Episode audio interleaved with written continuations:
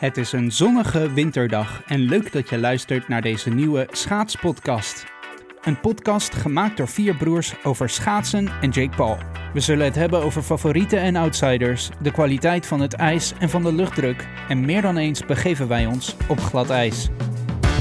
En kijk eens wat Kramer doet. 6, 8, 78, wereldrecord. and I want to reach the Cheetos or I want to reach the Oreo cookies.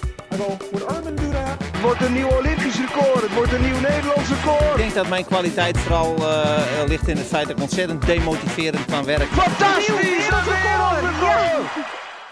Yes, dag beste broeders. Hallo. Eh, We zitten hier weer met z'n vieren om eh, dit eerste fabelachtige World Cup weekend na te beschouwen. Ik moet eerlijk zeggen, toen ik zat te kijken om zes uur 's ochtends, dacht ik, hoe gaan we hier nog iets leuks van maken? Maar nu achteraf eh, weet ik niet waar ik moet beginnen. Ja, ja. Dus dat is een goed teken, denk ik. Eh, maar laten we even beginnen met gewoon, hebben jullie het überhaupt kunnen kijken? Ik heb alles, alles teruggekeken. Dus ik heb alles gekeken, maar wel allemaal lekker smiddags. Al, heb jij ook altijd 's middags gekeken, Pieter? Ja, ja, pretty much. Misschien een paar dingetjes in de avond. Een beetje de afstanden, een beetje verspreid over de dag als ik tijd had. En anderen? Ik vond het eigenlijk helemaal niet zo heel, heel erg. Maar voornamelijk de vrijdag dan, want toen, toen werkte ik gewoon. En toen kon ik soort van op, onderweg naar werk in de trein eh, een stukje schaatsen kijken. En dat was eigenlijk wel heel relaxed. Als je toch alles soort van een beetje mee wil kijken, dan helpt het voor mijn gevoel ook wel om dingen terug te kunnen kijken. Omdat je dan toch even de dwelpauzes door kan spoelen. Of Ja, iedere rit- i- ja. iedereen is gelijk, maar niet elke rit is interessant, zeg maar. ja, dus precies. Ja. ook dat een beetje, maar... ehm, Schaatsen terugkijken is eigenlijk wel heel chill, hè? Want dan kan je altijd saaie skippen. Ik vind het Ja, echt super nice. Ik zit alleen maar ja, gewoon de hele tijd... Ik zit de hele tijd gewoon plus 10, plus 10, plus 10, plus 10. Zo een beetje al die ritten door te kijken. Ik heb de vijf kilometer nog nooit zo interessant gevonden. Heel snel. Maar eerlijk, die NLZ-app moet dat wel op een of andere manier. Dit, dit- nu ga ik renten, maar. YouTube is de enige die een media player heeft waar dat 10 seconden skippen gewoon normaal werkt. Elke andere Ja, app ja, ja. waar je dan rechts klikt, dan gaat hij opeens op pauze of dan gaat hij het volume aanpassen. Ik snap niet waarom webdevelopers ja, niet al lang hebben uitgevonden dat als je rechts klikt met je pijltje, dat dat betekent dat je door wil in de tijd. En dat je niet Maar Rijn, Rijn wil we, moeten bij, pauzeren. We moeten bij het begin beginnen. Waarom kan je dit alleen maar terugkijken op NL? NLZ.nl, ja. Gewoon, er is geen plek. Er Ja, is, ja. is- En dan ook nog op NPO 1 extra. ja, Ja, maar, maar je best doen om het te vinden. maar dat kan je niet terugkijken. Nee, alleen dus als je, volgens mij op KPN heb je het ook. En dan neem ik aan dat je het op Ziggo ook wel via die weg terug kan kijken. Maar gewoon voor de rest. Ziggo? Je moet... oh, eh, zo, ja, andere tv. Ja. Ja. Maar voor de rest is, is het gewoon nergens. Ja. Ik heb ook eh, voornamelijk de afstanden in de middag gekeken. Op de vrijdag eh, zat ik nog op school. En ik had eh, precies tussen de massastart had ik een eh, tussenuur. Dus toen heb ik eh, heerlijk de massastart lopen te kijken op school. Het is wel, tje- wat ik wel altijd heel leuk vind, ook soms met de Olympische Spelen heb je dat wel eens gehad. Dan word je wakker en is het gewoon gelijk schaatsen. Ja, dus ja. je moet Ja. niet nog de hele dag wachten op het schaatsen. Dat vind ik echt super chill. Gewoon wakker worden met schaatsen, dan heb ik gelijk zin in de dag. Ja, goed punt. Maar, eh, Eh, we doen eh, altijd, altijd namelijk in deze tweede aflevering, eh, nieuws in de tussentijd. Ehm, zijn er grote nieuwtjes die we moeten bespreken? Nou, eh, ze hadden het er ook al tijdens het weekend volgens mij een beetje over eh, bij het commentaar. Maar eh, de Olympische Spelen die gaan in 2030 misschien naar Zwitserland, geloof ik.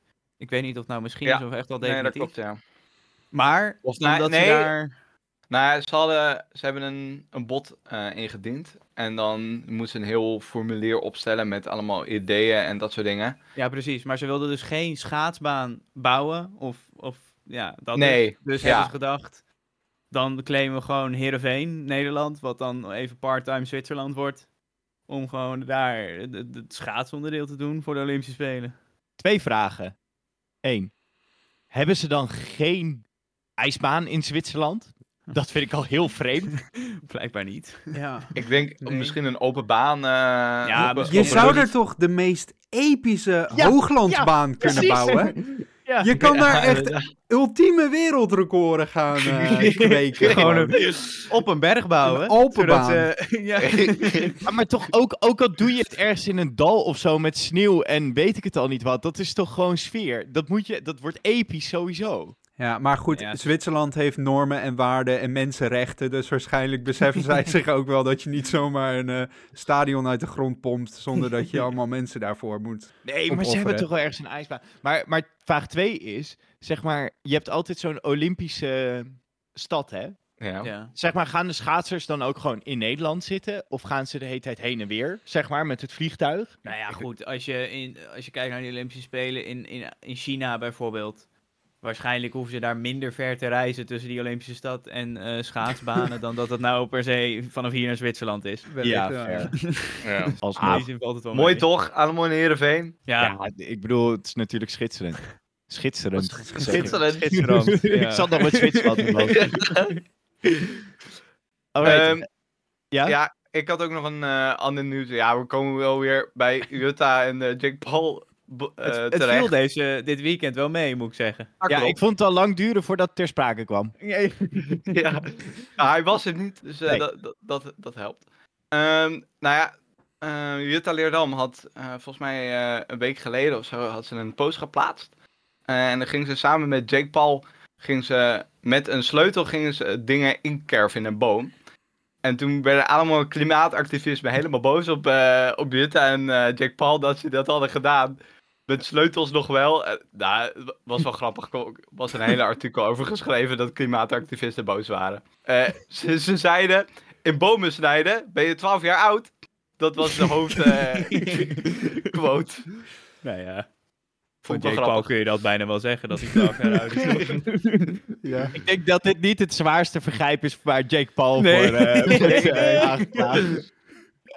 De volgende Ja. video eh, gaat hij weer over de allegations eh Ja, ja. praten. En dan komt dit weer de- het boomkerf-incident ter sprake. Oh, dus dat Och, was ja. het. Alright, nou laten we snel doorgaan eh, naar de, een beetje de, de omstandigheden en de schaatsbaan. eh, de, de, ja, wat er omheen gebeurde. De context. Eén ding wat sowieso opviel dit weekend is, ze liepen allemaal, of ze liepen, de, ze hadden allemaal last van de jetlag. Ja, vind je het gek? Nou, exact. hoe, hoe, wat, weet iemand het tijdverschil met eh, Japan? Zes Ja, uur. 8 uur of zo. Acht, inderdaad. Ja, maar dus ze overbruggen dat. genoeg. Nou, plus dat ze dus een, een, een reistijd hebben van twee dagen, zeiden ze. Of nee, je bent in ieder geval twee dagen kwijt. Omdat je dus inderdaad ook al dat tijdsverschil hebt. En het kost je al een dag om er echt naartoe te komen, omdat het niet eh, één vlucht is. Eh, maar ze moesten ook nog een hele autorit maken van een paar uur, geloof ik, vanaf Tokio. Dan klinkt het ook wel, als je dat dan hoort en hoe dat dan ook eh, geschetst wordt, soms klinkt het ook een beetje alsof ze zo'n zo'n berggreppelachtig eh, weggetje over moeten rijden. Zo'n gevaarlijkste wegen van de wereld aflevering. Dat er dan een, een bond bus met allemaal schaatsers eh, hun leven moet wagen om naar het eiland in Japan te, te komen. Maar je kon ook wel duidelijk zien bij de eerste 500 meter van de mannen dat de Japanners een groot veel- voordeel hadden. Ik wil niet al te snel op de feiten vooruit lopen, maar ehm, de vier Dat doe Japanners je nu die mee... ja. maar het was niet alleen... Maar dat doe je Ja, nu wel. maar ik kan alvast het bruggetje maken. Ja, nee, het is heel Want bij de eerste 500 meter bij de mannen, toen eh, de vier Japanners die meededen, die werden eerste, tweede, derde en vijfde. Maar dat was Dus- niet alleen, het was, het, zeg maar, daar gaan we het inderdaad zo ook nog wel over hebben. Maar het hele weekend is het bijna Japan boven, toch? Ja, dat Ja. klopt. Dus eh, Maar dat laat dat wel had, zien. dat, dat had ook met een andere omstandigheid te maken. Namelijk de, het ijs. Want eh, het ijs... ijs. Ja, eh, kijk, in Japan is dus heel populair die hele korte afstanden sprints. Dus echt, je hebt wedstrijden 100 meter schaatsen. Ehm, en daar wordt het ijs ook op gemaakt. En wil je goed ijs hebben voor dat soort wedstrijden, dan moet je heel veel grip hebben. Want als je heel veel grip hebt, kan je een harde afzet hebben. Dus dat ijs is in de woorden van Jordan Stoltz crunchy. Oh ja, daar had hij het over inderdaad. Ja, dus ja, die, die ijsbaan is gebouwd op op gewoon, gewoon het, het is ribbelig, het is, het is, je hebt grip, maar je kan dus niet glijden. En daarom dus ook, je had één zo'n Japanner en die had me toch de meest gare schaatsslag op aarde. Als een soort hyperactieve hinkstapspronger ging Ja, die over het ijs. Ze hadden het allemaal wel een beetje... Of veel, veel Japanners echt een beetje een kortvinnig... eh, Ze maakten ja, hun slagen helemaal niet. Ik, ik heb altijd geleerd, je moet je afmaken. Precies. Maar die Japanners die deden alles behalve dat. Maar goed, dat is nu dus eh, nog moeilijk in te schatten. Maar dat, dat gaan we natuurlijk dan in de komende weken nog zien. In hoeverre eh, ja, alle verschillende ijstypes, en dan met name denk ik toch wel de Europese ijsbanen, hoe dat eh, ja, gaat vergelijken met, met dit weekend.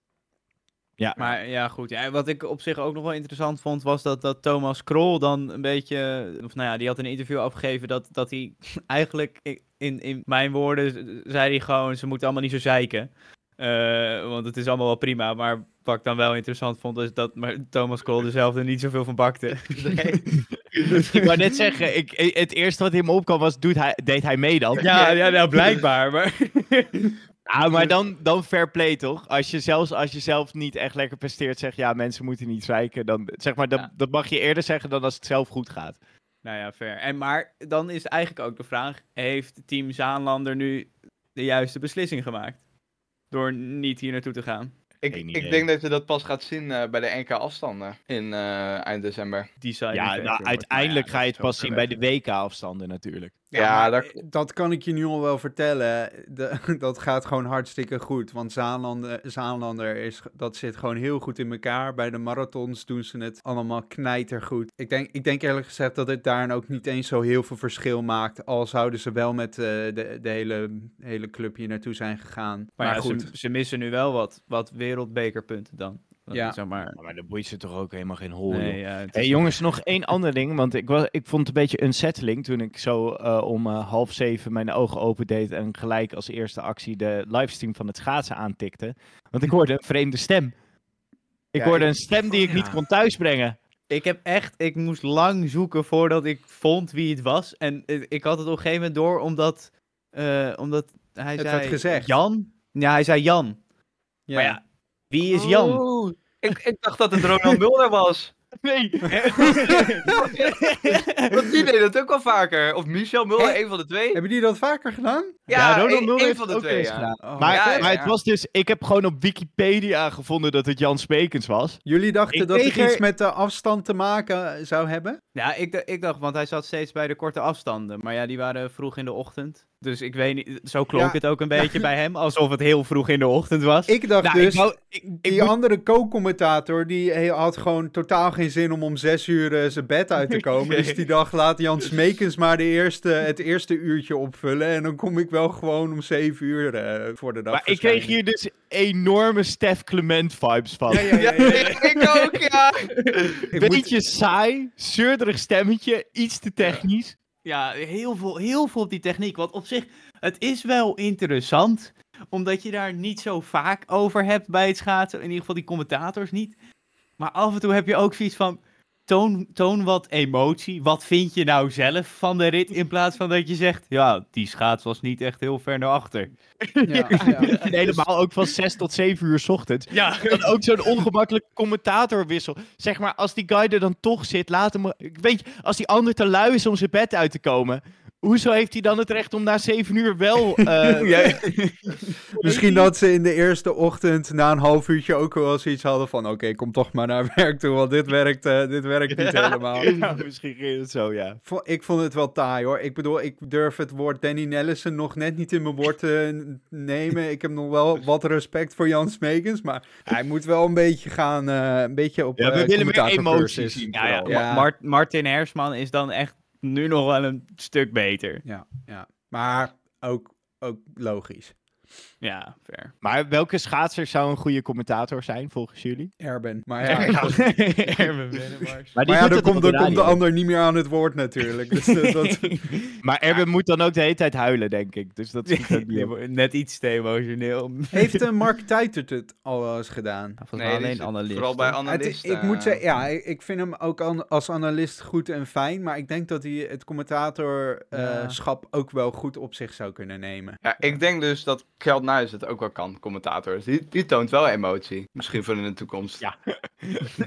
Emotie is niet alles, hè? Bij een commentaar. Nee, maar- Emotie als criterium voor een commentator. Ja, ik vind het toch wel belangrijk. In dat geval zou Jillet Anema de perfecte eh, commentator... eh, nu zijn we er. Maar ik wil ook Jillert Adema als een commentator. daar, daar zou ik ook wel heel veel voor over hebben hoor. Eh, daar zou ik wel een abonnementje of een paywall voor eh, durven te doorboren. Ja, het idee is als volgt. We gaan gewoon al die afstanden bespreken. Eh, Voordat we dat bij- doen, ik, ver- ik vergeet nu één dingetje, maar ik moet het toch even van mijn hart afkrijgen. Eh, Vorige aflevering hadden we het over Patrick Roest. Die vond het wel oké in Japan, want, eh, en toen noemde hij in een interview van, ik ga liever naar Japan dan naar Polen, want Polen vindt hij blijkbaar helemaal niks. Ja. Dit weekend hoor ik Thomas Krol zeggen, ik ga nog veel liever naar Japan dan naar Polen. Ik ben al honderd keer in Polen geweest, laat mij maar naar Japan gaan. Er is iets met die ijsbaan in Polen of iets met... hier moeten we onderzoek naar gaan doen. want Wat is mij- daar gebeurd wat in is Polen? er gebeurd in Polen? En misschien, wat is er gebeurd tussen Krol en Roest in Polen? Ik weet niet. Ah, goed, ik eh, hou mijn handen er van, vanaf verder. Maar goed, Ja, ja, ja. We houden het in de gaten. Uh, we de we houden het in de gaten. We stellen alleen maar vragen. Ik noem het maar even. Ja, maar het zou fijn zijn als iemand eh, hierop door wil gaan. Ja. Eh, maar wij gaan de afstanden bespreken. En het idee is om het als volgt te doen. We noemen gewoon even de top 3 van de afstand. En dan kijken we even van, goh, waren de opvallendheden? Bij de een eh, kunnen we snel aftikken, de andere zal wat langer duren. Vermoed ik zo. Eh, dus om te beginnen, eh, de eerste afstand was de eerste 500 meter van de vrouwen. Die werd gewonnen door Kimi Guts voor Erin Jackson. En derde werd Femke Kok. Hebben we daar iets over te melden? Guts, he- Guts heeft een goed weekend gereden. Die zit, eh, die zit er goed in. Die deed ook wel goed op de, de 1500. Eh, Ja. Die deed, ook- die deed ook met veel mee gewoon. Ja, ik heb Ja, de duizend zelf niet gezien, maar volgens mij deden ze daar ook best wel aardig. Los Ja, de- dat de eh, 1000 Leerdam meter- gewoon de, by far weer de beste was. Maar Kimmy Guts, dat is wel eentje waar ik eh, op ga letten dit seizoen. Die, die, Ah, je gaat er heel goed van start. Ja, je hebt ook gelijk, want ze is ook derde geworden op de 1000 meter en ook derde op de 1500 meter. Dus Ja. dat is echt best wel ziek eigenlijk. Ja, ja. Ja, Aaron Jackson, valt hij dan tegen? Of is het gewoon begin Ja. van het seizoen? Ja, Tweede zij heeft ook die switch van het skileren moeten maken. Die stond volgens Oh, mij ja. dus nog een week geleden te skileren en nu te schaatsen. Nou, Bart en ik, ervaringsdeskundigen, wij hebben dat ook meegemaakt. Dat je van de skielertraining naar de schaatstraining... Ja, hoe Maar- voelt dat? Heb je dan zware benen in de eerste Het, training? ging, het, ging mij, het ging mij altijd heel zwaar af. Ja, en mij schaats ook. ik altijd heel langzaam. Het, het is inderdaad vrij eh, taai. En de- het ijs voelt dan, zeker kunstijs voelt dan ook best wel stroperig. En, en eh, ja, het, ik kan me best wel goed voorstellen dat dat een factor is die eh, bij haar mee eh, speelt. Het, het zou kunnen. Ehm, maar, en Utah dus niet echt best, hè? En ze, In ze de schaatste ook- niet in ieder geval. Nee, en ze schaatste ook rond met een eh, kop vol met onweer. Zo leek Ja. het. En Ja. later werd dat wel duidelijker waarom. Want ze zei in een interview. Ja, ze zei: ik, ik weet niet wat ik ervan mag vertellen. En toen vertelde ze het. eh, dat, dat haar moeder ziek was. Dus dat is heel vervelend. Ja, Of in ieder geval ziek. Ja, er was iets ergs. En daar, ja, nee, maar wel vrij du- duidelijk dat, dat het haar heel erg bezig hield en wel veel deed en hoog in de emotie eh, zat. En dan kan ik me best wel voorstellen dat, ja, als je dan ook nog eens in zo'n zo'n grijze Sovjetbak in eh, een, een hoek in Japan zit. Hè? Want, eh, laten we wel wezen, die ijsbaan was totaal niet inspirerend. Dat, dat, Maar Nee. het publiek, het publiek. er was, er was veel publiek. het maar publiek, ja, goed. ja, het publiek maakte heel veel goed. Ik heb één man gezien met, Jap- met een witte pruik en Japanse vlaggetjes in zijn haar. En het was de mooiste supporter die ik ooit, eh, ooit heb gezien. Maar Maar hoeveel inspirerende schaatsbanen zijn er? Goeie ja, vraag. Heer, Heerenveen staat, wel Ja, heel ver erg ver boven staan. maar- Maar dan houdt het ook wel een beetje op. eh, Ik denk nog, ik denk nog Hamar. Het eh vikings, vikings Oh, ja, ja, ja, ja. Dat is wel Ja. vet, dat soort Ja. vikingschip met houten dak. oh ja. Ja, ik vind buitenbanen altijd sowieso wel vet. Dat heeft wel iets. De Olympische baan natuurlijk, die is ook nog wel weer eens eh, opengezet. Ja, maar ja, qua wereldbekerwedstrijden en, en waar dat wordt geschaatst. Ja, dat- Nee, ze, is- zouden er eigenlijk, zeg maar, je hoeft er niet eens zo heel veel aan te doen. Maar, want veel, veel stadions missen gewoon überhaupt dan een soort klein, kleine tribune. O, zeg maar, ja. Je, je kan er bijna alleen maar omheen staan bijna. Je hebt toch een soort sfeertribune nodig eigenlijk. Net gewoon zoals iets. eh, met Ja. het voetbal, met, met spandoeken en, eh, Ja. en eh, rook. eh, ja, vooral de fakkels inderdaad. Trommels. fakkels, ja. Die kun je dan gooien, smelt het ijs, goed voor het Ja, ijs. bierblikjes het ijs op, er wordt de schaatsbaan eh, of de schaatswedstrijd afgelast. Afgelast. Klinkt echt als een heel slecht idee. Ja. Maar weet je wat ik wel vind? Eigenlijk moeten ze elk jaar verplicht één World Cup in een, in een openluchtbaan doen. Ja. Dat is toch veel te leuk? Ja. ja, daar ben ik het eens. Maar Ja. goed, eh, ja, weer, weersomstandigheden. Dat is Nee, wel- Ja, dat- doe je, dat doe je in de regen. Ja. Dat is nog cooler. Het kan gewoon. Ja, ja, nee, eens zou wel heel cool zijn. Maar goed, eh, laten we doorgaan. Dat was de eerste 500 meter. Gut Jackson Kok. Dan eh, de eerste 500 voor de mannen. Eh, ja, dat Japan was boven. 1, 2, 3 Japan. Ja, Ja. ja. Ja. valt, Moeten valt- we de namen ja. nog even noemen om eh enige Ja, inzicht- Ja, ja, Yamada, hoe heet uitspraak even oefenen, Pieter. Nee, maar Nee, hoe, ja, alleen Yama- het- hoe heette die? Yamada? Ja. Shin, eh, Shinyama. Shinha. Nee, ja, maar je, hebt er, je had één zo'n naam die ik denk ik bij... Ja, misschien Ja, is dit heel Yamada. fout wat ik nu zeg. Alleen maar die komt later. Ja, volgens die mij heb ik die bij zes die- verschillende Japanners gezien. Ja, er is, er is ook een vrouw inderdaad. Nee, er zijn- Rio er zijn Yamada. Die ik Twee broers en inderdaad een vrouw. Die Ah. heten alle drie Yamada van de Oké. achternaam. dat, eh dat clarifies. Ik, Sorry. ik heb ook nog even een kwartier lopen te zoeken of die vrouw ook nog een zus was van die twee, maar dat kon ik helaas niet vinden. Dit is wel echt hoog die weer op die Japanse nieuwsite van je. Ja, ja, eh, ja, ja. Ja, hij, was te- was, hij was vier minuten te laat, dus toen waren er alweer vier pagina's aan eh, actueel bijgekomen. Maar, Maar- qua, qua Nederlanders... Ja, is dit die, 15, of, eh, die 500 waar Dini's eh viel? Viel, ja. Ja. Want, nou goed, ik wil het niet te veel hebben over mijn eh, schaatsverleden. Ik heb, dat is een gesloten hoofdstuk en eh, ik heb het achter me gelaten. Ehm, mijn PR op de 500 meter, voor de duidelijkheid, ik was 11 jaar of zo. Mijn PR is 1 minuut 06 en dan nog een aantal duizendste, honderdste, tiende. Dus hij Oh, was met een valpartij nog sneller dan jij. Die viel vrij hard. Goed de, Ja. goed de boarding Met in. zes- een 60 kilometer Echt per uur het de bocht uit. einde van de bocht go- goed viel die, zeg maar. en vervolgens gaat hij, nou, ik denk met maximaal 3 kilometer per uur hier, glijdt hij een beetje naar de finish. Maar hij rijdt er dan nog overheen, zodat hij de ritme heeft uitgereden. Wat denk je qua tijd? 1 minuut! 6 seconden sneller dan mijn persoonlijk record op de 500 meter. Nou, ik, ik heb wel eventjes moeten eh, slikken hoor, bij, eh, toen ik dat zag. dat heb je goed gezegd. Maar goed, Ja, v- all around Nederlanders, zeg maar, behalve consistente Hein Otterspeer, vielen wel een beetje tegen, toch? Op die Ja, ik 500 heb een, eh, ik heb een interview eh, gezien eh, met Kai Verbij. Want die schaatste wel weer. En die vertelde over zijn blessure. Want hij, hij had eh, nog wel last van zijn schouder. Zijn hele schouder was ingetaped. Maar waar hij vooral last van had, was eigenlijk zijn eh bilspier. Zo noemde hij het zelf. Want die had hij blijkbaar gescheurd in die val. Dus daar had hij nog meer last van dan zijn schouder. Blijkbaar. Dat doet toch vet veel pijn bij het schaatsen? Ja, blijkbaar mocht hij dus weer van de fysio schaatsen. En de interview vroeg ook van, heb je er spijt van dat je hier naartoe bent geweest? Hij zei, nee, een beetje wedstrijdritme houden is altijd wel goed. En het maakt me niet uit of ik dan wat slechter schaats. Maar hij had een gescheurde beelspier. Ik bedoel, dan, dan is hij nog niet eens zo traag. Want hij was een, hij was een seconde langzamer dan, dan de nummer 1. Maar waarvoor gebruik je je beelspier? Zeg maar, ik kan alleen maar aan twee dingen denken. Dat is namelijk Poepen. twerken en poepen. Jongens, wat is dit voor halfbakken fysiologische sportkennis? Je bilspier is echt een van de belangrijkste spieren. En vooral Dat bij het schaatsen moet je toch je hele been en lichaam moet je strekken. De- Ja. Zeg maar, je bilspier is echt een van de belangrijkste spieren in je lichaam gewoon. Je bilspier, je bilspier bepaalt toch ook altijd of je een sprinter of een marathon eh schaatser bent? In het wielrennen is dat zo. Je bil, je bil, of je een klimmer of een sprinter bent, Nee, ja, dat, dat hangt is- af dat van gaat- je billen. Niet. Nee, dit gaat over... Jongens, nu gaan we er allemaal dingen in, maar de- dit gaat over de Heb ik, heb, van ik je gelezen, spieren. heb, ik gelezen op, heb ik gelezen op voetbalnieuws.nl. eh, Ik denk dat we heel snel door moeten gaan, want voordat we hier allemaal verkeerde dingen gaan zeggen... Allemaal fake nieuws. Fake Ja. nieuws. Ja.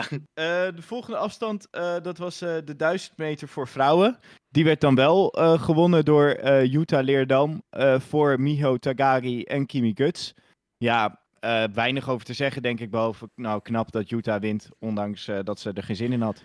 Ja, ze Ja. zei dat ze het op Ja. de automatische piloot deed. Ja, Ja, ja, de eerste en woorden is best knap. maar hoeveelste keer, voor die tegenstander. Ja, ja, maar ook echt de 28ste keer op rij of zo dat ze de 1000 wint op een World Cup. Ja, Echt ja dat zo'n statistiek Ja, was er inderdaad. Echt, 18e keer. Ik, 18. ik had dat ook helemaal Ja. niet in de gaten dat ze al zoveel eh, op een rij. Dat, ja, knap. ja, ja, Femke Ja. Kok ook nog netjes vierde. Maar eh ja, dan en doe je hem wel af. wat nog wel eh, opvallend was, is dat Antoinette Rijpma de Jong werd 16e. En terwijl ze het WK afstanden werd ze tweede afgelopen jaar. Dat is toch wel een 1000? verschil. Op de 1000 meter, ja. Oh, ja. Ja. Maar iets anders wat ik wel wil vernoemen is de rit van Erin Jackson. Eh, zij werd dus eh, twintigste met een tijd van 1.19.95. Met Ja. een slotronde op de 1000 meter van 33-3. Hij- Zeg maar, en zo'n slotronde is zelfs op de, op de, op de 3000 Drie meter nog wel langzaam. Ja. Dat, dat, is, dat is pas verval. Dat, Dan, eh, Ja. ja. Dan moet je het wel echt van je opening hebben. Dat- Waarschijnlijk, het voelt echt alsof zij gewoon de eerste 100 meter als een jekko heeft geschaatst en toen gewoon is gestopt en zich gewoon heeft laten. Ja, zeg maar. ik, ik denk dat ze dacht dat het gewoon een 500 meter was. Maar blijkbaar moest je Ja. nog een rondje. Maar Aaron Jackson is wel echt een 500 meter schaatster, Ja. toch? ja, Want ja, dat, klopt, dat las ik ook over Denise. Dat is een beetje een trendy eh, trainingsmethode nu. Die, die trainen gewoon echt maar... Die schaatsen maar twee keer per week of zo, max. En dan doen ze oefenwedstrijden van 200 meter en niet langer. Dus dan heb je gewoon heel kort dat je even alles eruit schaatst en dat systeem triggert. Maar verder heel veel rust en ja, sparen, zeg maar. Nou ja, als je op die manier heel specialistisch traint op een 500 meter, dan is 1000 meter wel heel lang. Als, je, als 200 meter Ja. je max is in een training, dat is gewoon... Nou, ik moet vijf heel eerlijk, ik moet heel eerlijk zeggen, als ik dit zo hoor, als ik professioneel schaatser zou zijn, dan zou ik het ook al weten. Nee, ik kan alleen maar die 500 hoor. Ja, ja, ja. ja, ja. ja. Ja, heel veel rust nodig. Ja, ik moet- Ja. Nou ja, waarschijnlijk zitten, ze dan de rest van de week gewoon in de sportschool. Heel Ja, veel en fi- fietsen heel veel. Wel heel interessant, de- eh, in het geval van Denise, die werkt dus samen met de trainers van Lavrijzen en die andere. Hoogland. Hoogland. Hoogland. Hoogland. eh, baanwielrennen.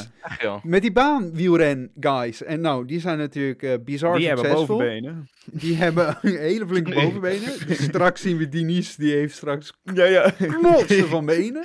Dan zie je gewoon twee benen schaatsen met een lichaampje erboven. Maar het wel, eh, ik ben wel benieuwd. Misschien dat dat nog wel eens eh, wat wordt. Ja, ik kan me wel voorstellen dat je daar explosiviteit leert, inderdaad. Oké, laten we doorgaan naar de duizend mannen. Nou, weer een Japaner die won. Eh, Yamada voor Ning en Stoltz. Ja, dit is de afstand waar Yamada, het kleine broertje, dus niet die, de goeie, want eh, duidelijk. Die, nou, het komt, hij komt nu. Die Yamada, die ging dus die duizend meter schaatsen met twee handen op de rug en twee handen los in de bocht. Ja, Ja, ja.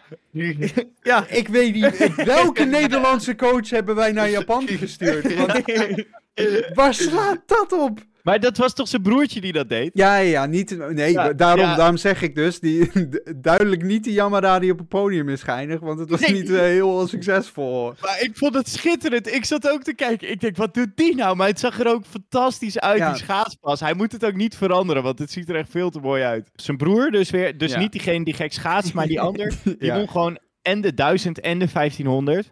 Waarmee we in ieder geval kunnen concluderen dat eh, Jordan Stoltz nog niet op eh, topniveau is. Nee. Nee. Nee. toch, zoals ik hem zag ook in het interview met de NOS, hij is er volgens mij echt heel relaxed onder. Ik bedoel, hij, hij schaatste ook de, hij schaatste alle afstanden dit weekend. Ja. Eh, en hij zei ook over die 5000 meter, eh, hij had nog een doel en volgens mij had hij die gehaald. En hij was zo relaxed en volgens mij maakte hij zich nog niet heel veel zorgen. Ik was wel een klein beetje teleurgesteld in Jordan Stoltz. Dat hij geen wereldrecord had geschaatst eh, als als zei Ook toch wel jammer. Ja. Nee, maar we kunnen het straks nog wel even gaan hebben. Daar, daar, komen, daar komen we nog wel op, denk ik, ook als we het over de teamonderdelen hebben. Over pieken en eh, pieken in een seizoen. En dat, dat heb je natuurlijk, die Japanners, voor hun was dit. Eh, Ja, heel- dit was het belangrijkste, want oma kwam ook kijken. Zeg Ja, maar, dan moet je presteren. Dus dit, dit, dit was voor hun echt wel even. Dit stond al drie jaar op, eh, op de kalender Op de- klaar, ja. zeg maar. Ja, goed. laten we snel door, want we moeten nog heel wat afstanden. Massastart vrouwen, gewonnen door Blondet. Ik heb het niet gezien, om heel eerlijk te zijn. Ik weet ook niet of er iets interessants gebeurde. Ah, FC Kiel deed het goed. Ze werd tweede. Ja. Ze was er ook blij mee. Ze kwam eh, met de vuist eh, over de streep. Ja, juichen voor tweede plek. Oh ja, ik heb het wel gezien. Dat vind ik altijd een beetje ongemakkelijk. zeggen. Zeker als je Nederlander bent. Ja, dan denk ik, toch, dan heb je net niet goed je best gedaan. Ja, ja. Maar nou, het is meer dan zij misschien verwachten, I guess. Ja, en dit is, ik bedoel, dit is een van de weinige kansen die ze krijgt om een keer voor een winst mee te schaatsen bij een massastart. Want oh, dit is straks natuurlijk gewoon eh Schouten die voor de winst gaat. Ja, Ja. Groenewoud, ja. Ja, een groene woud, ja. Oké, en bij de mannen was het wel echt een zieke sprint. Zo, Ja. Eh, laatste ja. rush. Bart Holwerf die won voor Bart Swings en Livio Wenger. En het Bart, ging zeg maar zo, eh, op, eh, op een rondje schaatsen lag Bart Holwerf nog op plek, plek 5 of zo. En hij was gewoon heel rustig chillend aan het schaatsen. Ja, echt heel relaxed, laatste- hè? Ja. Hij zat echt in, in- op de vijfde plek gewoon heel relaxed, gewoon een beetje te overzien. Je dacht echt, die, die is nog eh, drie kilometer onderweg of zo. Ja, precies. En bij die laatste bochten werd het een beetje chaos. Eh, maar toen zat hij er nog steeds achter. En eh, toen, dus die laatste 100 meter ging hij ook aan op plek 3. Maar hij schaatste er echt letterlijk gewoon omheen. Zo, eh, Ja. voor mijn gevoel sloeg hij echt zijn been zo om swings heen. Eh, en won die zo eh, een in een fotofinish de massastart. Ja, leuk om naar, een leuk, leuke race om naar te kijken. Ja. Ook leuk dat Bart Swings daar het best wel eh, een beetje te pakken heeft bij die massastart. Hij heeft altijd een beetje een soort van eh, net wel, net niet bij die lange afstanden en zo. En ik, ik mag hem wel, ik vind hem wel een sympathieke schaatser. En eh, ja, wel leuk om te zien dat hij nu ook echt wel meedoet voor eh prijzen. Wel leuk Hij dat is het nu een- weer eh, net niet was. Maar dat hij dat wel- wel, ja.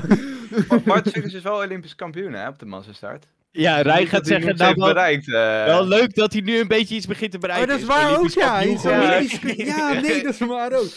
Ah, dat verklaart een hele Ja, hoop. toen- toen was Oh, het maar net dat wel. is Dat, is die net wel, net niet. Ja, nee, maar in mijn hoofd is hij dus gewoon nog steeds een beetje die 5 en 10 kilometer schaatser die gewoon ja, de dikke pech had dat hij met Sven Kramer eh, in dezelfde generatie zat. Nou, vooral die guy die de hele tijd vijfde of zesde wordt. Een beetje net zoals, alleen dan dus niet eh, Wouter Oldeheuvel vind ik ook zo iemand. Daar heb ik altijd toch een beetje medelijden mee. Die is gewoon eeuwig tweede. Als Sven Kramer niet had bestaan, dan was Wouter Oldeheuvel een grote schaatser geweest, jongen. Niet normaal. of Harvard Bucko. Ja, dan, dan ja. moet ik zeggen dat ik toch blij ben dat Sven Kramer heeft bestaan. Ja, absoluut. Precies. Oké, eh, next. Dat was de volgende dag. Ehm, eh, weer 500 meter vrouwen. Eh, gewonnen door eh, Pemke Kok. En in een eh, indrukwekkend interview gaf zij het commentaar erop. Ja, ook leuk. Ik moet altijd zo lachen Ja, interviews. ja, ja. Ja, Ja, je maar volgens mij gen- geniet ze er wel gewoon van. Ze vindt het gewoon Ja. hartstikke leuk om wedstrijden te eh, schaatsen. En- Nou ja, dat, dat zie je inderdaad wel bij haar. Ze, ze, is gewoon, ze heeft gewoon plezier. ja. Ja, ze zit goed in de vel. Zo Ja. ziet het er wel uit, ja. Ja. Maar, maar niet echt heel grote filosofische bespiegelingen meestal over haar. Nee. eh, over haar Wat we, wat we toch zeiden, zij is toch de, de nuchtere belichaming Ja. van het schaatsen. Beetje- Oh ja, de boeren. Wat was het? De, De- boerensport. Boerin. Ze is waarschijnlijk helemaal geen boerin. Moeten we toch, toch wel even een keertje uitzoeken. uit de. Ja. Eh, de volgende is. eh, nou, dat was toch wel even. eh, nou, je dacht dat het de 500 meter was, maar het was toch echt de 1500 meter mannen. Ja, als je naar de uitslag kijkt, dan lijkt het echt, dan lijkt het echt een 500 meter Schaatsen gewoon. Ik heb hier opgeschreven de eerste 13 eh, binnen een seconde. Ja, ik had Ja. de eerste acht binnen drie tiende. Ja, en ik had de eerste vier binnen 600ste. dus, Ik, ik had niks opgeschreven. maar het zat heel dat dicht bij elkaar. Ja, echt heel dicht bij elkaar. Dat is toch niet normaal, joh? Ja. Ja. Je zag het ook in het interview van Nuis, hè? Want die, die, die, die, die is dus uiteindelijk zesde geworden op 1900ste. Wat je dan weet, zesde is gewoon best wel ver op een 1500 meter. Maar Ja. in dat interview zei hij gewoon, ja, ik had hier gewoon kunnen winnen. Als ik, eh, hij had het over een paar dingetjes die hij beter had kunnen doen. En als hij dat had gedaan, ja, dan had hij gewoon kunnen winnen. Dus hij baalde Ja. eigenlijk wel. Ja, precies. En dan valt het ook nog wel mee met het misschien het slechte niveau van Thomas Krol. Want die wordt dan elfde, terwijl wel op zeventiende. Dat is, ja, dat is best oké. ja, dan kun je in het Ja. seizoen nog wel... eh, dat is nog wel te overbruggen. Ja. En Krol klopt gewoon, roest ook. Ja, ja Roest viel, viel me dan toch een beetje tegen, die 1500. Ja, maar Roest had andere dingen aan zijn hoofd. Maar Daar eh, gaan we het zo jongen, even. Ja, Roest viel maar- tegen, maar Roest die eindigt ook op 7500ste. Dus eigenlijk kun je dan ook toch niet zeggen dat hij tegenviel. Nee, precies. Maar nou goed, waar we het zo meteen over gaan hebben, als hij dan zo nodig moet focussen op die twee, dan moet hij ook, eh, moet hij ook Nou, wel op meer... zich, op zich, die- die, focus leverde hem wel wat op, op voor de vijf kilometer. Ja, dat is waar. Ja, fair enough. Ja, fair enough. Eh, eh, eh, maar in ieder geval kunnen we zeggen, eh, weer gewonnen door een Japanner. Nou, wanneer is de laatste keer dat een Japanner de 1500 meter heeft gewonnen? Dat scheen echt tientallen jaren geleden te zijn. Maar Als je kijkt ja, naar de mannen wel, ja. Ja, Ja. en hij bleek Oh ja, ook de, ja. de, de vierde Japanner ooit te zijn of zo, die eh, op de 1500 meter had gewonnen. Maar wat hebben die Japanners gedaan? Zeg maar, hoe kan je dit zeg maar doen? In Japan wonen. Ja, inderdaad. Fair enough. krijgen. Oh, big Doen ze toch knap. Maar ja, nee, ja, ze zullen vast eh, goed getraind hebben weer. Maar op Ik- zich zie je dat toch wel de laatste paar jaar. Dat ze, dat ze het wel eens, bij de mannen in ieder geval. Ik bedoel, bij de vrouwen heb je natuurlijk Takagi, die het al wel langere tijd goed doet. I- Is dit dan ook een, ehm, een welpje van De Wit? Wel. De Wit, die is toch coach Nee, daar? ja, Ja, nee, nee, de Wit. Ik heb het echt even uitgezocht net, want ik vond het ook heel vaag. Maar de Wit is dus begonnen met Team Gold. Ja. En daar heeft hij dus die twee Chinezen, de Song Yan Ning en... ehm, Die is derde geworden op de 1500 Ja, meter. en, en eh, Wan Mei Lin of zo. Ah, ja. Oh ja, die. Eh, die eh, En die zit erbij. Ja, en San in het Hof. Ja, En dus Tagagi en nog vier, maar dat weet ik niet. ja. Klinkt oké. wel als een vermoeiende baan. Dat je heet tussen China, Japan en Nederland moet reizen. Maar Ja, hij begeleidt ze dus allemaal goed. individueel. Ja, Ja. oké. Maar dus deze Japanner was niet een... ehm, Nee. Oké. Nee. Maar goed, we kunnen, we, we kunnen nu zo wel het mooie bruggetje maken naar, naar het, het echte welpje van eh, de Wit. Ja, Eh, bij heel de mooi. 1500 meter vrouwen.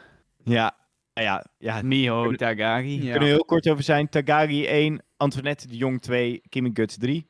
Ja, en dan op de op 2 was 1,7 seconden achter Takagi. Ja, wel een Ja, aard- wel, ook wel genoeg. Ja, wel een goed verschil. En Takagi, die dus voor het eerst op nieuwe ijzers schaatste, werd dan he- de hele tijd... Blijkbaar is er een nieuwe ijzer eh, Nou, technologie. blijkbaar is Nee, heeft hij dus altijd op een oude ijzer Ja. geschaatst. Wat wel een soort flex is. Zo van, ik heb het altijd op oud materiaal gedaan. En nu doe ik dan maar eindelijk een keer de overstap. Om dan Ja. Maar ook... is dit, is dit niet zo'n truc als die, de Noren die opeens bij de Olympische Spelen in blauwe schaatspakken kwamen, omdat blauw een snellere kleur zou zijn dan Nee, dat was toch humoristische theorie ooit vind trouwens. Was dat niet Amerika ook, die toen op de Spelen van die speciale snelpakken hadden of zo? En ook dat het zwart, eh, omdat er dan geen kleurstof en toen Nou, echt bij het Amerika- slechtste schaatsresultaat ooit voor, voor Amerika. Bij Amerika was het zo dat ze die pakken hadden, alleen die flobberden gewoon, zeg maar. Die sloten niet af. Dus het Ja, waren een soort van eerder het. zo van die, van die eh, hebben- windsuits, weet je wel, waarmee, je ga, eh, waarmee mensen van die rotsen afduiken en dat ze dan zo gaan zweven. Ze, hebben, Nou ja. ze hadden de Amerikaanse XL in plaats van de Europese XL genomen, denk ik, bij Ja. eh, sommige schaatsers. In ieder geval is Takagi er niet op achteruit gegaan. Want die... Nee. eh, Nee, Nee, door die ijzers schaatsen. eh, schaatsen nog prima. Maar los, los van dat, eh eh Rijpsma de Jong wel goed, eh, goed gereden. Rij, Rijpsma, die- Rij- Weet je Rijpma. wat? Ik heb trouwens, in mijn hoofd Oh. is dat altijd nog Antoinette de Jong. Ja, En toen zij is getrouwd, is zij denk ik gewoon naar de commentatoren van de NOS toegegaan. Dit is echt, ik heb hier een hele theorie over. Naar de commentatoren van de NOS gegaan om echt te zeggen: ik wil alleen maar Rijpma de Jong genoemd worden. Want Ja, maar daarna, dat- het werd dat- nooit meer Antoinette de Jong. Alleen je ziet nu dit seizoen dat ze er ook een beetje klaar mee zijn om de hele tijd Antoinette Rijpma de Jong te zeggen. Dus nu zeggen ze gewoon de hele tijd Antoinette. Ja, Oh, ja. maar ze, ze zeiden het, ze hebben het nog even genoemd, hè. Dat ze, zei, ze zeiden op een gegeven moment van, eh, ja, ze wil dus Rijpma de Jong genoemd worden. Dat ik ook wel dacht van, oké, rustig maar, je hoeft niet Ja, boos te worden. weet je. Kunnen we er niet gewoon eh ARDJ van maken of zo? Ja, Antoinette Wright van de. Jong. Daar kunnen we nu mee beginnen. ARDJ. Ja, AR, Oké. ARDJ. Oké. Dat was Nou, denk ik de 1500 Jongens, meter. maar nu, nu, nu gaan we het over grote dingen hebben. Team Pursuit. Ik heb één vraag voor jullie. Je moet antwoorden. Ben je Team Roest of ben je Team Rintje? Roest! Rijden is Team Roest. Magiel? Nou, Ik ik, ben, weet het eh, ook weer niet. Ik vind het wel Ik lastig. vind, wel, ik vind het zielig voor Rintje, maar Zielig voor wie? eigenlijk ben ik wel Team Roest, denk ik. Team Roest. En Pieter? Eh, ik ben eh, team Bosker. ik vond gewoon... Bosker, die, is nu gelijk op mediatraining gestuurd. Die heeft... Oh, oh, die is echt flink op zijn vingers getikt, denk ik. oké. wie kan het even schetsen? Wat er aan de hand is? Nou, ik heb het een beetje uitgezocht. Wat blijkbaar het geval was. Nou ja, het was Huizinga vooral. Want ze, ze, ze hadden nog één iemand nodig. Ze hadden al. Wacht even, wacht even, wacht even. Oké. Ages ago. Nee. We beginnen in 2015. Oké. Chris Huizinga. 40 Oké, jaar geleden, toen Mag eh, we- Ritsma geboren werd. Ja, nee, Toen, ik, eh, wou, ik wou naar dat. Sanex was eh sponsor. Ik wou naar dat Bosker en Holwerf. Hadden, hadden ze al twee van de drie. Alleen ze hadden nog één iemand nodig. Alleen Huizinga wouden ze dus vragen. Alleen Huizinga, wat blijkt, is dat hij zichzelf te goed vond. Voor een team te vormen met Bosker en Holwerf. Wat? Ja, dat Ja. heeft hij letterlijk gezegd. Of eh, dat wordt gezegd. Terwijl Huizinga dat zelf een beetje vaag ontkent. Hij zei dat hij zelf soort van dezelfde reden had als Roest. Maar ook weer niet helemaal. Maar hij wou er niet te veel op ingaan. Nou, hij zei gewoon, ik vind het niet heel professioneel om nu helemaal eh, de- hier het over te hebben verder. En ik, eh, ik, ik, ik ben het niet helemaal mee eens met hoe Rintje dit zegt, maar duidelijk is, is dat we niet door één deur kunnen en we niet op dezelfde Ja. lijn liggen. En mijn reden komt ongeveer neer op hetzelfde als, als Roest. Oké, Dat dat, heeft. Huizinga gezegd. Dan Ja. hebben we een Ja. volgende speler.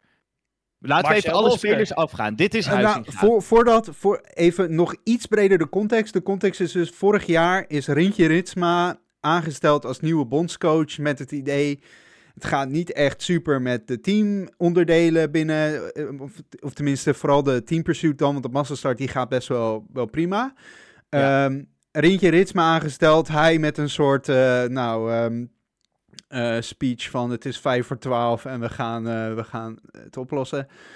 Daar, tot, tot voor- vooralsnog komt er nog niet heel erg veel eh, van terecht. Er was ook in dit interview, eh, toen vroeg de interview aan Rintje Ritsma, hoe vaak heb je al met je vuist op tafel ges- geslagen? Toen zei Rintje heel vaak. En, Ja, hoeveel, Zeg maar, en hoeveel is er gebeurd? Ja, heel weinig. Ja, ja, en zo vaak doe ik het ook weer niet. Volgens mij eh besefte hij zich in datzelfde moment van dit werkt niet heel, eh, dit gaat niet goed uitpakken. En het pakte ook niet helemaal mooi uit uiteindelijk. Maar goed, we hebben dus Huizinga, Huizinga, gehad. ja. En volgende speler is, eh, ik denk, eh, Louis Hollaar.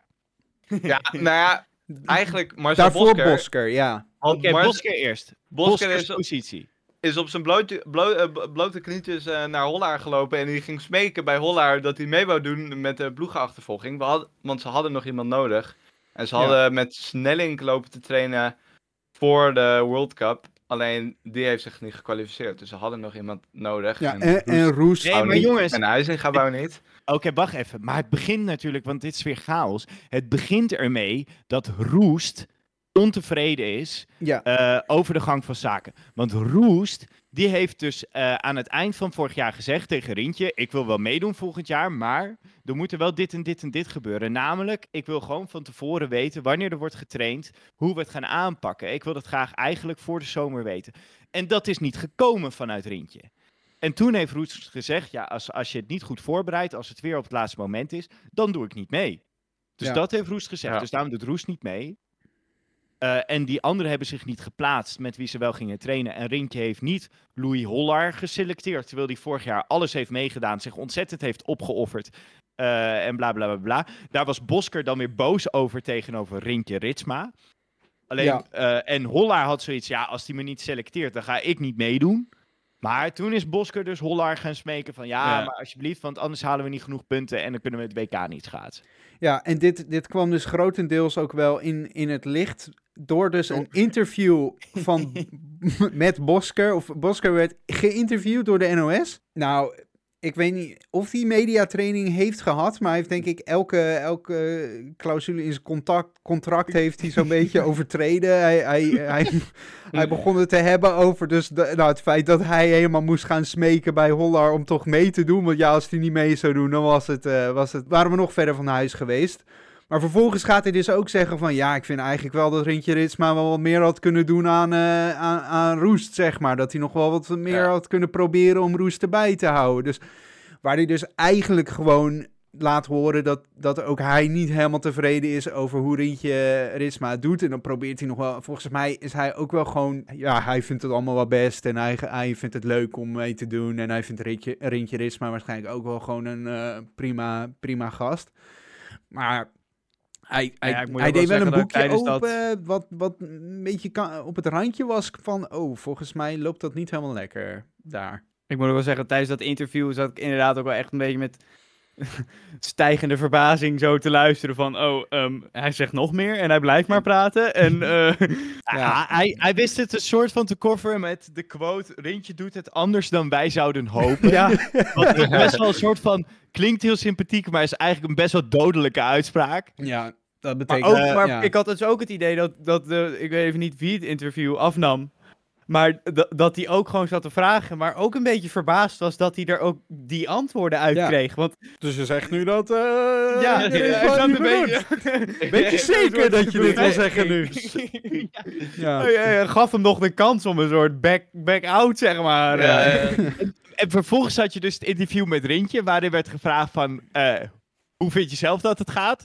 Waarop het antwoord was iets in de trant van, soms gaat het wel goed. Waarvan ik dacht, oké, dit bevestigt echt alles. Ja, ja, Ja. ja. Nee, precies. Maar goed, even dan toch eh, om even aan de kant van eh Rintje te gaan staan. Of misschien ook wel iets meer aan de kant van, nou even het, het grote probleem te gaan staan. Ja. Ehm, het, je kan er op heel veel, vanuit heel veel eh, invalshoeken naar kijken. Maar ik denk wat je heel erg ziet in het Nederlands schaatsen, is omdat ehm, het algemeen niveau gewoon individueel zo ontzettend hoog ligt.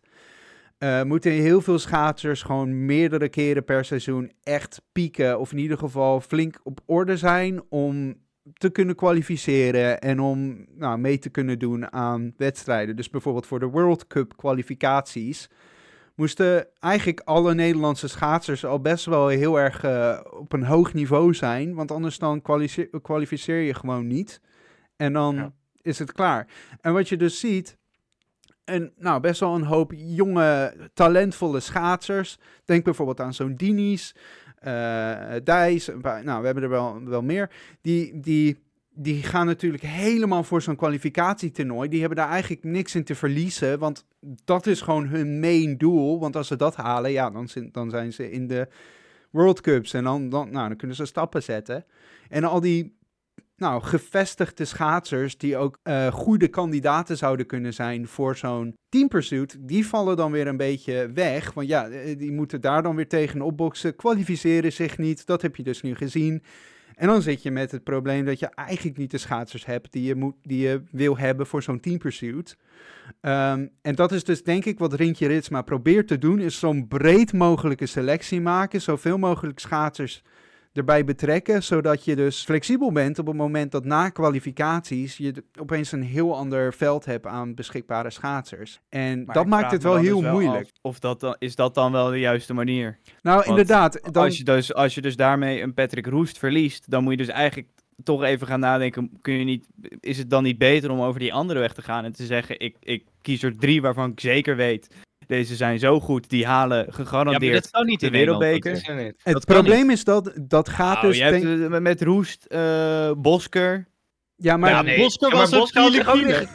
Nee, Bosca had zich niet eens gekwalificeerd voor de 5 Oké, kilometer. nou Maar vooruit. doordat Saan dan weer terugtrok, toen mocht hij mee. Maar eh, los van dat, dat gaat dan dus ook ten ko- dat kost dus tickets. Dus dat gaat dan bijvoorbeeld in een Olympische Spelen, als je zegt, nou, eh, Roest, Bosker dan nu voor the sake of the argument en eh Hollaar, we sturen hun drie eh, mee. Ja, dan zijn dat dus drie tickets die je weggeeft, die je niet meer kunt uitgeven aan bijvoorbeeld de persoon die Bosker gewoon verslaat in een 5 kilometer straks. Ja. Ja. En, da- en dat maakt het moeilijk. Ik heb de oplossing. Nou, We sturen gewoon, gewoon alle Nederlanders die meedoen aan zo'n kwalificatietoernooi op een team pursuit trainingskamp. Waarin ze gewoon een heel weekend lang allemaal achter elkaar gaan schaatsen. En dan gewoon wedstrijdjes tegen elkaar. Ik denk dat dit wel kan. Dan train je het een beetje en op een gegeven moment krijg je wel een soort chemie of zo. En dan, en dan- allen. Dus Ja. dat in elke samenstelling het wel werkt. Precies. Gewoon alle schaatsers Ja. gaan op kamp. Nou, Ja, als er dan het één ding is wat we moeten leren uit dat weekend achter elkaar schaatsen, is dat je niet je zwakste man op kop moet gaan zetten. Want waar heeft Rientje Ritsma gelezen dat dat een goede manier is van een team pursuit rijden? Ja, Je- omdat je hem dan vooruit kan duwen. Dat is de theorie. ja, ja, maar wel, die duw je dan vooruit.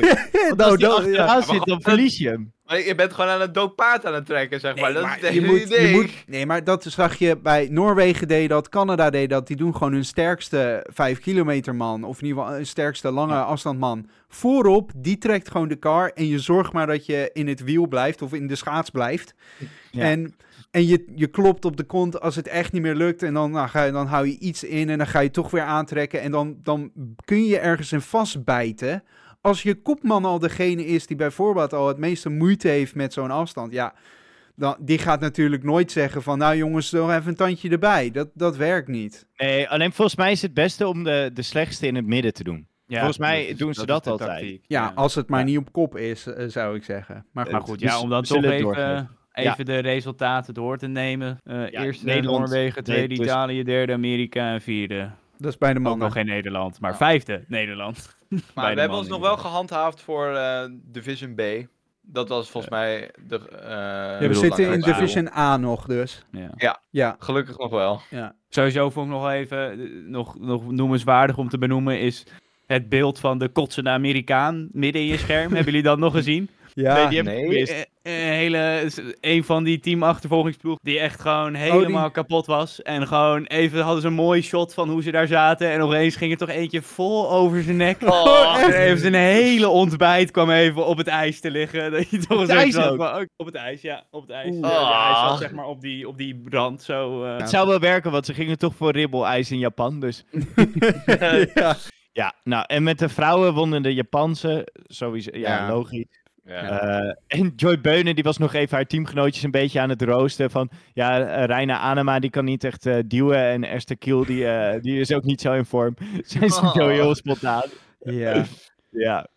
Ach ja. Het is, toch- het nog eh. niet echt een teamsport schaatsen. Dat moet toch nog een beetje ontwikkelen. In ieder geval niet bij de. Nederlanders. Maar dit is toch Nee. het is altijd dit drama. Ja. En we zullen dit seizoen het er ook wel weer de hele tijd over hebben. Ja. En dat is misschien ook wel weer leuk.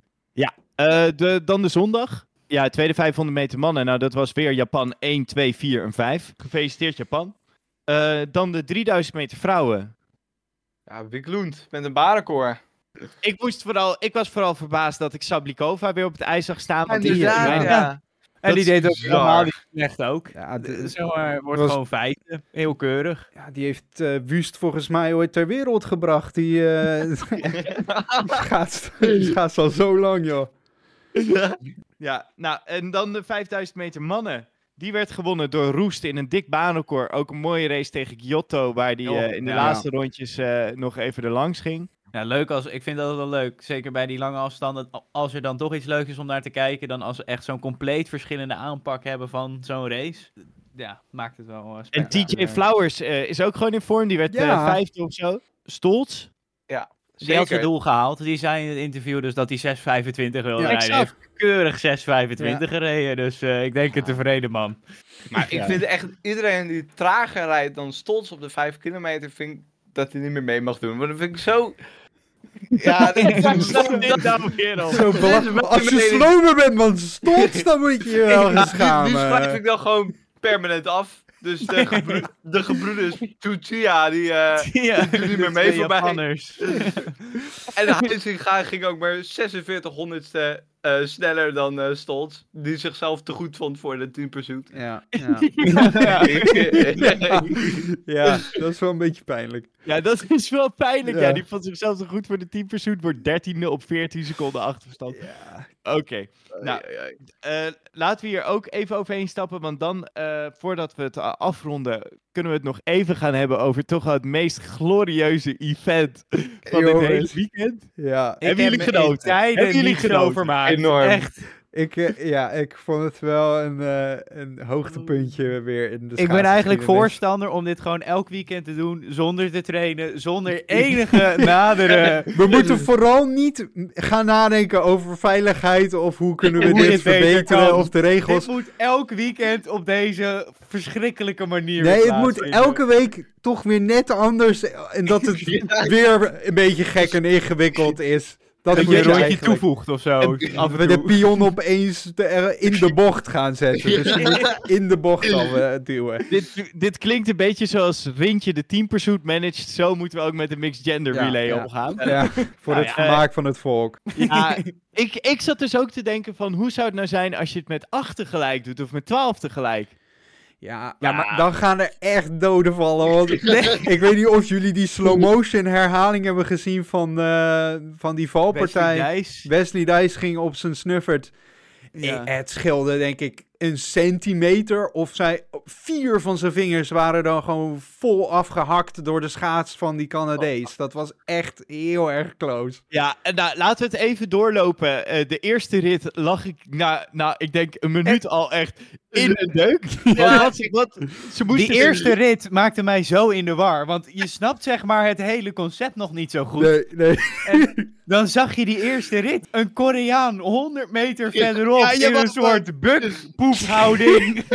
klaar zit om geduwd te worden. Ja, en hij keek ook niet achterom. Hij bleef gewoon zitten, hij bleef vooruit kijken en hij was echt in zijn hoofd, in zijn hoofd vloog hij al vooruit en werd hij vooruit geduwd door zijn... Maar terwijl de Tsjech, die Tsjech die lag ondertussen al op een, op een rondje achterstand. Die, die, die wist niet wat er over kwam. Nee, jongens, even laten we het overzichtelijk houden voor degene die het niet heeft kunnen zien. De bedoeling is dus, eh, die schaats, eh, de, de vrouwen die starten één rondje, dan doen de mannen twee rondjes, dan doen de vrouwen twee rondjes. En dan doet de man, doen de mannen de slotronde. En eh, nou, het was duidelijk de eerste keer, want die, die vrouwen die waren gestart. En die gingen dan die bocht in. En dan waren die mannen in die binnenbaan al een soort van paraat aan het schaatsen. Om dan in die eerste 50 meter van het rechte stuk de wissel te doen plaatsvinden. Alleen, dus die Koreaan waar jij het net over had, Pieter, die was zo veel te vroeg naar het ijs opgegaan. Ja. Die zat daar rustig te wachten om geduwd te worden. Nou, dat ging helemaal mis. Die waren gelijk klaar. Het, het idee is dus dat je ook een short track wissel doet. Dus de een komt aan, duwt de ander weg en dan ben je gewisseld.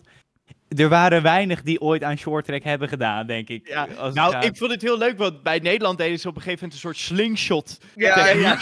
Waar wielrennen kwam even in actie. Ja, een soort koppelkoers, ja. Dat Ja. Dijs was er al voorbij en pakte maar de arm van Femke Kok en sleurde haar zo nog. Ja. Ja, en Maar ook, wel, dus- ook wel moeilijk dat als je dan die vrouwen, de mannen, zie- probeert te zien duwen. Wat ze dan vooral doen is hunzelf achteruit duwen. Want heel veel beweging komt er dan niet in bij die mannen. Dat, dat je dus ook bijvoorbeeld Duitsland klaar ziet zitten. En dan heb je die duw. En dan zit hij nog even een soort seconde van. Oh, dat was hem. Ik moet gaan schaatsen nu. Maar, maar het is natuurlijk ook belachelijk. Want je komt met, die mannen komen met nou wel dik 50 kilometer die bocht uit rammen. Ja. Ja, dan moet je als vrouw, gaan, als vrouw moet je dan gaan inschatten hoe je waar ongeveer in moet voegen. En dan ook nog langs drie andere kometen die daar gewoon eh, voorbij... Ja, Ja, maar en ook met een bepaalde snelheid, hè? Want als je daar helemaal stil staat, dan heb je gewoon een crash, zeg maar. Want 50 Ja. km per uur op iemand met 0 km per uur, dat is gewoon. eh bam. ja, dat is een ongeluk. Ja, een soort eh, Rocket League boom, zeg maar. Zo. Boom. Ja, ja. inderdaad. Ja. Maar je hebt, echt, je hebt ook echt wel één zo'n prachtig beeld. Volgens mij was het in de, in, de, in de derde heat. Ik bedoel, ik vind het nu al geweldig dat ons gesprek net zo'n chaos is als de hele evenement zelf.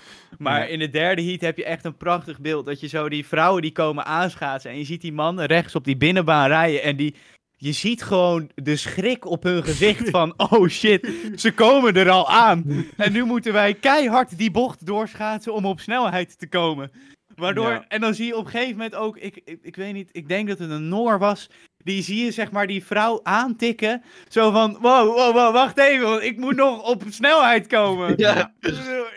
Wat ik dus niet snap. ehm, iedereen noemt het heet het een, een short track wissel. En ik snap het natuurlijk wel. Alleen ik denk dat dat nou net een beetje het probleem is. Dat iedereen er naar gaat kijken alsof het een short track wissel is.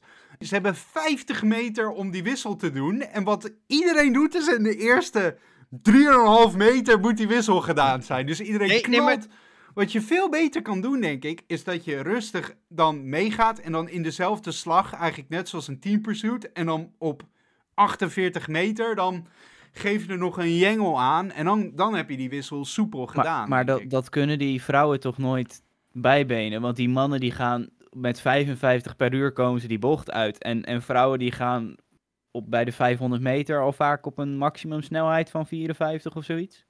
Ja. Dus, dus om, om in, Ja, in maar- die maar goed, snelheid bij- te komen, dat de- is eigenlijk het grote proble- probleem. In ieder Ja, geval maar in, in in- die wissel dan. Dat die vrouwen op zo'n snelheid al moeten zijn voor die wissel. Ja, alhoewel, eh, met, met de vrouwen heb je dan wel weer dat die een stuk makkelijker vooruit te duwen zijn door de mannen.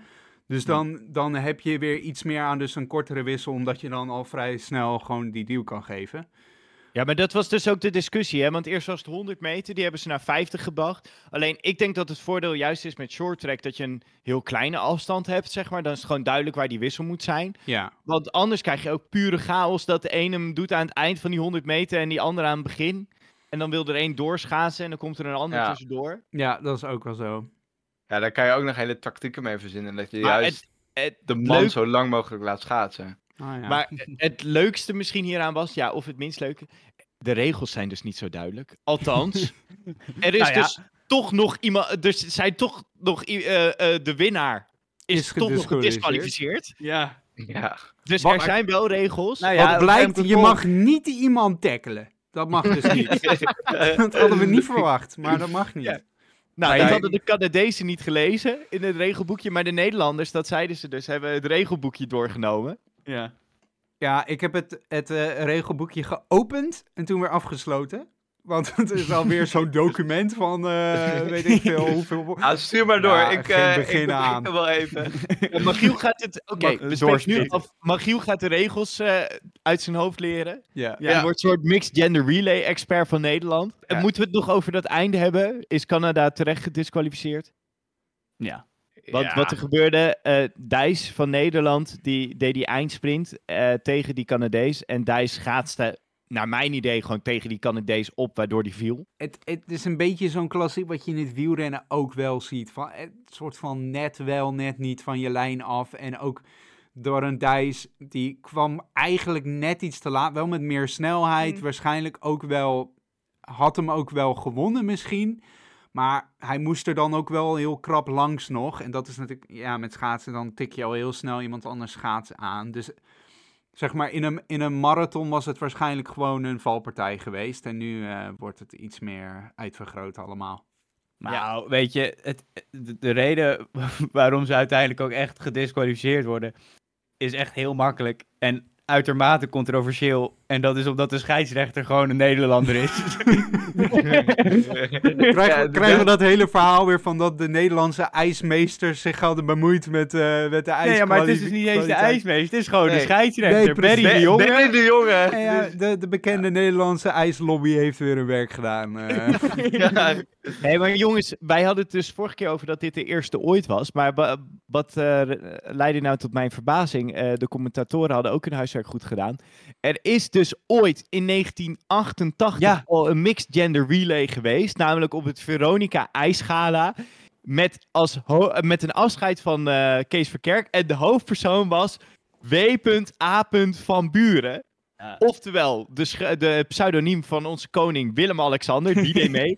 En die kreeg het voor elkaar ook nog eens om in de eerste bocht op zijn muil te gaan. ja, prachtig. Kan niet Dit beter. echt, heeft Maar iemand ik dit zou gevonden zeggen- nog op YouTube? Of, Ja, ja, je kan het dus op YouTube terugkijken. En dat deden ze wel met z'n achten in één baan. Dan moet het gewoon kunnen. Ik, Ja, sowieso, mooi. want dat is, dat is een van de problemen die, die er nog wel is. Het feit dat het op tijd gaat. Wat echt dit de hele onderdeel zo raar maakt. Omdat je gewoon Ja, ja. zoveel profijt hebt aan dan met elkaar samenwerken. Om in ieder geval een podium veilig te stellen. Of Pieter, zoiets. hier heb je een heel goed punt. Dus, dus je moet ofwel halve finales gaan doen en een finale. Of Hm. je zet ze inderdaad gewoon alle 13 eh, of 11 Ja, daar ben ik waren voor. er Ja, gewoon nee, tegelijkertijd in de baan. En ik denk dat dat niet fout kan gaan. Ja, maar ik vind dan ook eigenlijk, weet je, kijk, we kunnen het ook oplossen, hè. Door gewoon, als ze gewoon allemaal ook gewoon een soort American football tenues aankrijgen. Ik bedoel, dan mag je gewoon duwen. Ja. ik vind gewoon mensen Ja. uitschakelen. Ja, mag gewoon mensen op hun mail duwen. Dus dan, dan ga je ook heel snel wegschaatsen natuurlijk, want anders word je omver geduwd. ik moet nu echt denken, jongen, er is dus een, een, een, een, een ex-Games Red Bull-achtige sport, geloof ik. Met echt zo'n van die ijshockey eh, mensen. Die Dat dan naar een soort, gaan. Dat ze naar beneden crash, gaan van een eh, soort parcours, ja. crash, crash course of Crash zo. on Ja, Ice of zoiets, ja. Dat is echt een bizarre sport, jongen. Maar ik, ik ben het met je eens. Dit kun je eigenlijk gewoon wel overnemen. En dan, dan is dit gewoon een hele leuke, ruige, spectaculaire Ja, dat willen ze. Spectaculair. Dus kunnen ze het Dat wordt het wel, maar dan krijg je gewoon vechtpartijen op het ijs. Dus Ik zie het probleem niet. dus, Maar, eh, maar wordt dit ook misschien een onderdeel op de Olympische Spelen in, eh in, Ja, dat willen ze dus Italië? wel. Ja, deze Nee, spelen nog niet, volgens mij. Daar zijn ze nu te laat voor. Maar eventueel dus straks in Heerenveen. Het eerste eh, Olympische Spelen. het relay onderdeel. misgender box relay. Ja. en waarschijnlijk gaan dan allemaal influencers daaraan meedoen. Met als hoofdrol Ja. natuurlijk Jake Paul. Paul. Dus de cirkel is rond, jongen. Het is, allemaal, het is allemaal bedacht. Het is allemaal bedacht. Maar wat ik ook nog zat te bedenken is, waarom de vrouwen eerst? Zeg maar, stel je nou voor, je hebt een vrouw die veel beter kan finishen dan een man bijvoorbeeld. Waarom laat je dat niet ook vrij? Dus dat je gewoon zelf mag bepalen wie er start.